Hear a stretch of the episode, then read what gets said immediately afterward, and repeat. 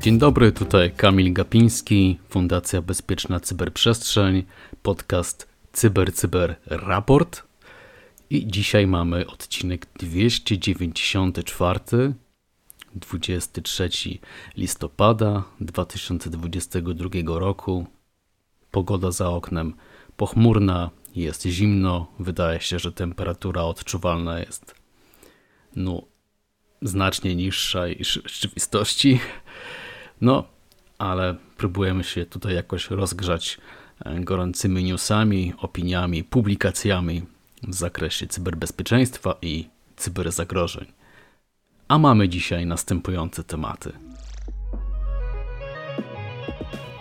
Mastodon pod mikroskopem badaczy cyberbezpieczeństwa, Nighthawk, następca Cobalt Strike'a, Meta zdejmuje konta działające na rzecz propagandy amerykańskiej, WhatsApp wykorzystywany w phishingu na reklamy facebookowe, nieużywane web serwery służą kompromitacji firm energetycznych.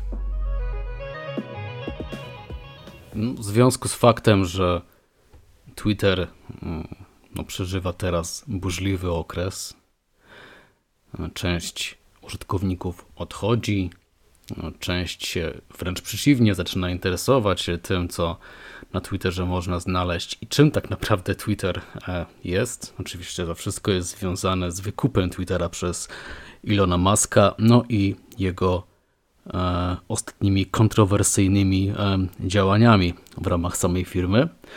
W każdym razie news jest taki, że w ramach tego zamieszania na zainteresowaniu również zyskuje Mastodon, czyli platforma open source'owa, community podobna do, do Twittera.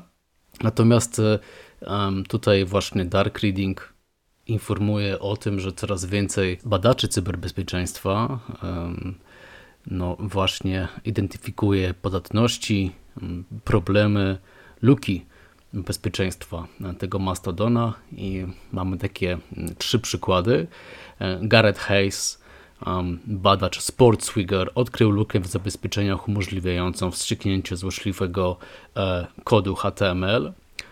W innym przykładzie e, inżynier oprogramowania zabezpieczającego w Min.io wskazał na błędną konfigurację systemu, która umożliwiała pobieranie modyfikowanie lub usuwanie wszystkiego w chmurze zasobu e, S3 Amazona. No, inny także e, badacz, mm, Anurag Sen, odkrył anonimowy serwer, który zbierał dane użytkowników Mastodona.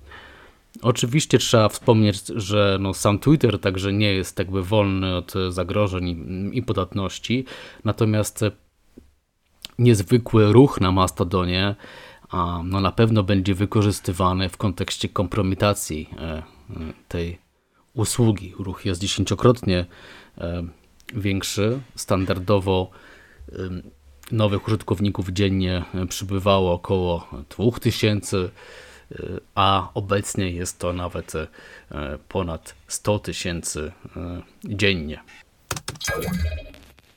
Usługi red teamowe i narzędzia służące do przeprowadzania takich e, testów i symulowanych ataków coraz bardziej stają się popularne, no i coraz więcej mamy także e, tego typu e, narzędzi. Stało się też tak, że niektóre z tych narzędzi, przykładowo Cobalt Strike, został no, wykorzystany właśnie w tych niecnych celach także wykorzystywany przez cyberprzestępców. No i właśnie Hacker News prognozuje, że inna tego typu legalna platforma testów penetracyjnych, znana jako Nighthawk, prawdopodobnie zwróci uwagę cyberprzestępców um, dzięki właśnie swoim możliwościom podobnym do Cobalt Strike'a.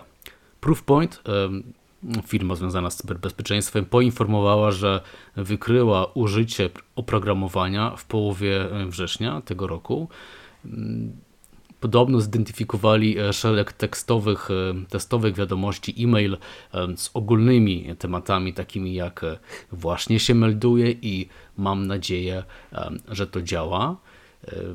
Właśnie mm, te wspomniane wiadomości e-mail zawierały fałszywe e, adresy URL, które po kliknięciu przekierowywały odbiorców do pliku obrazu ISO zawierającego program, który ładował e, Nighthawka. Na razie nic nie wskazuje na to, że opublikowana, ujawniona czy skrakowana wersja tylko Nighthawka e, jest wykorzystywana już jako, jako, jako broń, jako, jako, jako narzędzie cyber, cyberataków. No, ale w przypadku takiego Cobalt Strike'a również do tego doszło, więc e, gdzieś tam takie ryzyko jest e, upatrywane w najbliższym czasie. Warto tę sytuację e, śledzić.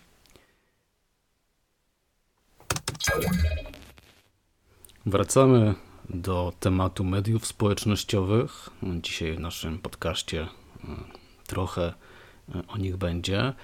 Meta facebookowa E, we wtorek poinformowała, że zlikwidowała sieć kont i stron na Facebooku oraz Instagramie, które były obsługiwane przez osoby związane z wojskiem e, amerykańskim w celu rozpowszechniania narracji przedstawiających ten kraj w korzystnym świetle na Bliskim Wschodzie i w Azji Środkowej.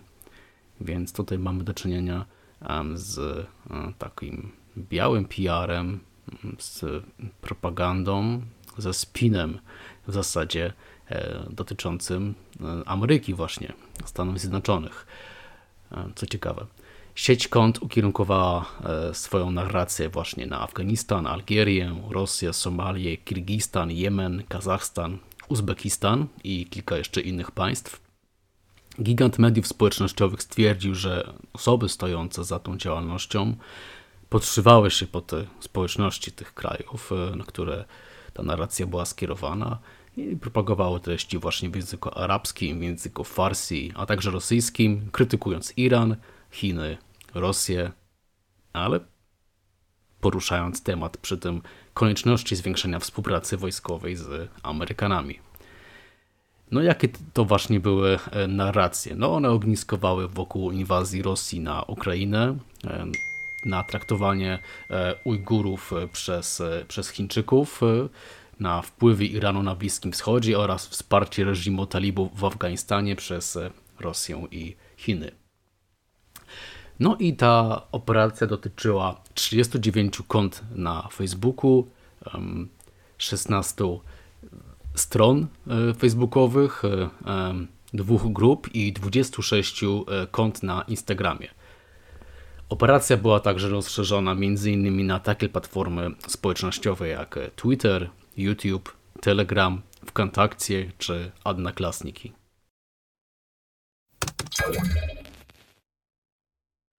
WhatsApp wykorzystywany w phishingu na reklamy facebookowe. Operacja śledzona jako DuckTale, e, nie mylisz z DuckTales, polegała na przyjmowaniu kont firmowych na Facebooku, powodując stratę wysokości nawet do 600 tysięcy dolarów w kredytach reklamowych tejże platformy. No ale o co chodzi? Chodzi o wyświetlanie własnych reklam, e, za które płaci e, ofiara, czyli e, koszty ponosi legitny biznes lub osoba prywatna, a treści są skompromitowane, no i należą do tych właśnie hakerów czy cyberprzestępców, którzy przyjęli uprawnienia administracyjne lub takie uprawnienia, które umożliwiają puszczanie reklam w sieci facebookowej E, DuckTale został po raz pierwszy udokumentowany na początku tego roku, czyli 2022. E, no i był skierowany do osób z wysokim e, poziomem dostępu do kont facebookowych, biznesowych na, na Facebooku.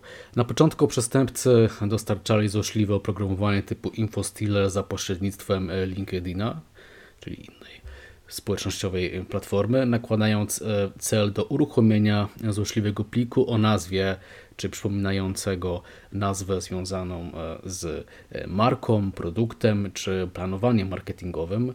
Chodziło o typowe słowa klucze, które ofiara może zidentyfikować lub z którymi się może jakoś zidentyfikować. Ostatnie incydenty zbadane przez badaczy z firmy With Secure pokazują, że hakerzy Także kontaktowali się z niektórymi ze swoich ofiar najnowszych za pośrednictwem WhatsAppa. No i to się dzieje tak, że po uruchomieniu w systemie ofiary złośliwe oprogramowanie DuckTale może ukraść wszystkie zapisane e, cookiesy z przeglądarek takich jak Google Chrome, Microsoft Edge, Brave i Firefox.